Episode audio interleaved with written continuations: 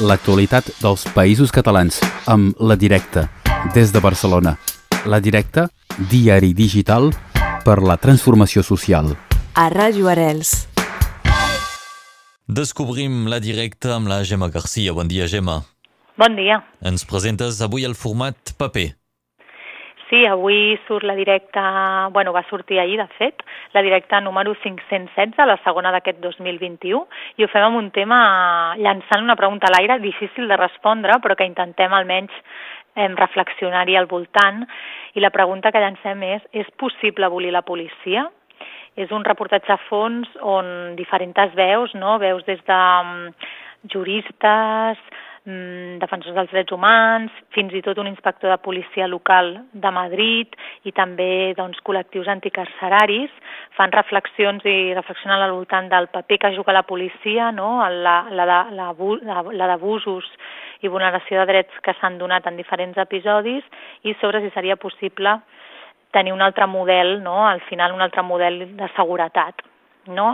D'alguna manera, com és una pregunta difícil i molt complexa, també aquest reportatge doncs, posa la mirada en altres experiències i alternatives comunitàries, com la del Cauca colombià, no? a Colòmbia, o la de les comunitats zapatistes de Chiapas, no? que han intentat trobar esquerdes i eh, crear models alternatius a, a una policia o una, un exèrcit militaritzat. No? Sí. Mm, la policia i amb el tema de la violència molt relacionat ha esclatat eh, doncs, a Catalunya amb l'1 d'octubre, als Estats Units, a l'estat francès. Eh, hi ha diversos models de policia, però sembla que l'actualitat ens porti sempre cap al mateix lloc. Exacte, el que una mica el reportatge comenta, no, que al final és un tema estructural no, i sistèmic, que hi ha molt poc espai a la mediació i a les respostes no violentes no? i d'apropament i comunitàries i que per tant eh, tot i que hi ha diferències i que en funció dels pics i dels moments i de, dels moments socials, polítics i econòmics que es viuen, doncs hi ha més violència policial o menys, eh, taca tots els cossos, no?, per igual, vull dir que sempre, sempre trobem una, uns patrons i unes respostes compartides, no?, que no és el de les pomes podrides, d'alguna manera els experts que hem consultat apunten cap aquí, no?, que és un tema estructural i de model i que canviar aquest model és molt difícil i que sí que és veritat que s'esmenta alguns intents de canviar-lo, doncs, per exemple, amb el, amb el, amb, la, amb el canvi de govern a Madrid municipal, doncs s'explica que es va intentar doncs, fer aquest canvi, no? però també sorgeixen moltes resistències no? i realment és, són transformacions complicades. Mm -hmm. Doncs aquest és el tema relacionat amb la policia. És possible abolir la policia? La, la resposta, doncs, en el paper 515 de la directa. Molts més temes a descobrir en aquest nou número. Per exemple, ens parleu de cinema.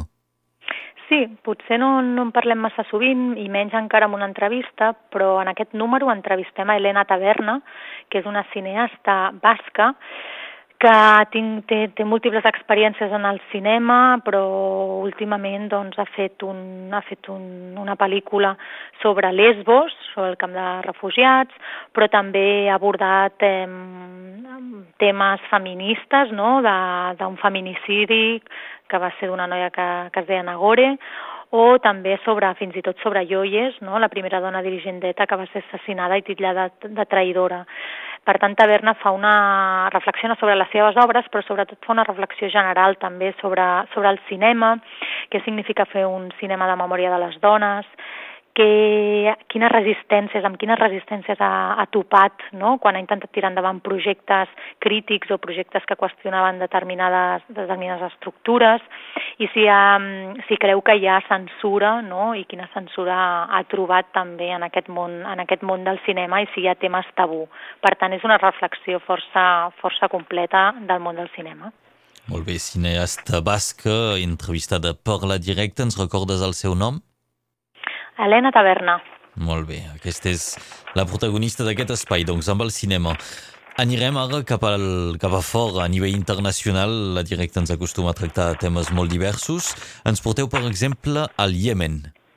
Sí, una investigadora iemenita, que es diu Sara Al-Areki, fa un reportatge sobre el Iemen, realment un, un país on molt, moltes vegades posem, posem poc la mirada, i posa el focus en, en quina és la situació després de set anys de guerra, uns set anys de guerra que han deixat més de 100.000 morts, no? hi ha hagut més de 22.000 atacs aeris de l'Aràbia Saudita i els Emirats Arabs Units que han acabat amb més de 100.000 morts. No? Per tant, una situació realment extrema i com, a més, no, a part d'aquestes víctimes mortals, el país ha quedat fragmentat en sis territoris controlats per guerrilles aliades amb diferents països de la regió. Per tant, és un mapa eh, complicat d'entendre, complex, però aquesta investigadora iemenita en, realment ens l'apropa i ens el, fa, ens el fa comprensible. Doncs anem a descobrir aquesta realitat al Iemen. També ens porteu a Xile. Sí, a Xile una mica més, un escenari una miqueta més esperançador fem un reportatge sobre la primera constitució per, paritària del món que s'escriurà des de Xile, que és la nova Carta Magna que en definitiva posa fi a 30 anys de transició i que serà redactada per 155 ponents i el més destacable és que la meitat d'aquests aquest, ponents són dones, no? per, tant, per tant és remarcable. Per tant és un moment, un moment històric a Xile perquè es posa, s'enterra d'alguna manera el text legal herència de Pinochet. I aquí explica una mica en què consistirà aquest, aquest procés i quines veus diverses en perfils realment molt variats participaran en la, en la redacció d'aquesta Constitució déu nhi un tema important eh, per al país, per Xile, és el que recull la directa.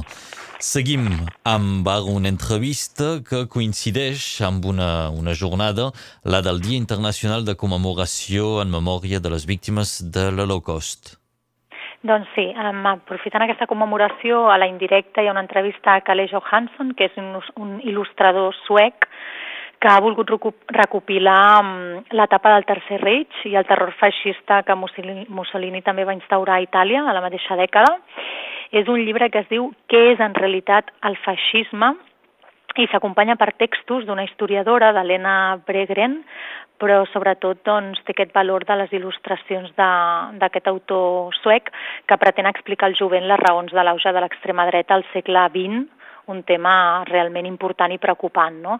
I, I relacionat amb això, doncs, també podeu aprofitar per recuperar l'entrevista que vam fer-li a la web a Enric Garriga Elias, president de l'Amical de Mauthausen, i que realment eh, més de vigent actualitat i podeu recuperar perquè l'hem rellançat per les xarxes socials. D'acord, tot això és a descobrir doncs, també a través de la pàgina web eh, directe.cat. I per acabar, un suplement aquest cop amb la directa. Sí, com sabeu, a vegades no, trobeu aquesta sorpresa encartada amb la directa, que són aquests suplements que fem en col·laboració amb col·lectius, entitats i diverses organitzacions. I en aquesta ocasió hem fet un suplement que es diu Lliures, lliures de pobresa, d'exclusió i de desigualtats. Lliures és un projecte que tiren endavant Òmnium Cultural, COP57, que es dedica a les finances ètiques i solidàries, i ECAS, que agrupa, que agrupa entitats d'acció social, N'hem fet 17.000 exemplars, alguns estan encartats amb aquesta directa, i a part de que explica el projecte que ha finançat diversos projectes i iniciatives transformadores, hem ajudat econòmicament aquestes iniciatives, doncs és un suplement on trobareu una radiografia una mica de la, de la situació, no? una radiografia de la pobresa, la precarietat i la desigualtat, que són també corbes no? que, cal, que cal doblegar, no? i s'explica una mica aquesta evolució des de la crisi del 2008 fins a aquesta crisi que estem vivint ara del, de la pandèmia, de, de la, de la Covid-19, i per tant doncs dona xifres i dades realment colpidores i, i interessants. Mm. Aquest és el suplement doncs, del número 516 de la directa. El format paper acaba de sortir, ens el presentava la Gemma Garcia. Gemma, moltes gràcies. Moltes gràcies a vosaltres. L'actualitat dels països catalans amb La Directa, des de Barcelona. La Directa, diari digital per la transformació social. A Ràdio Arels.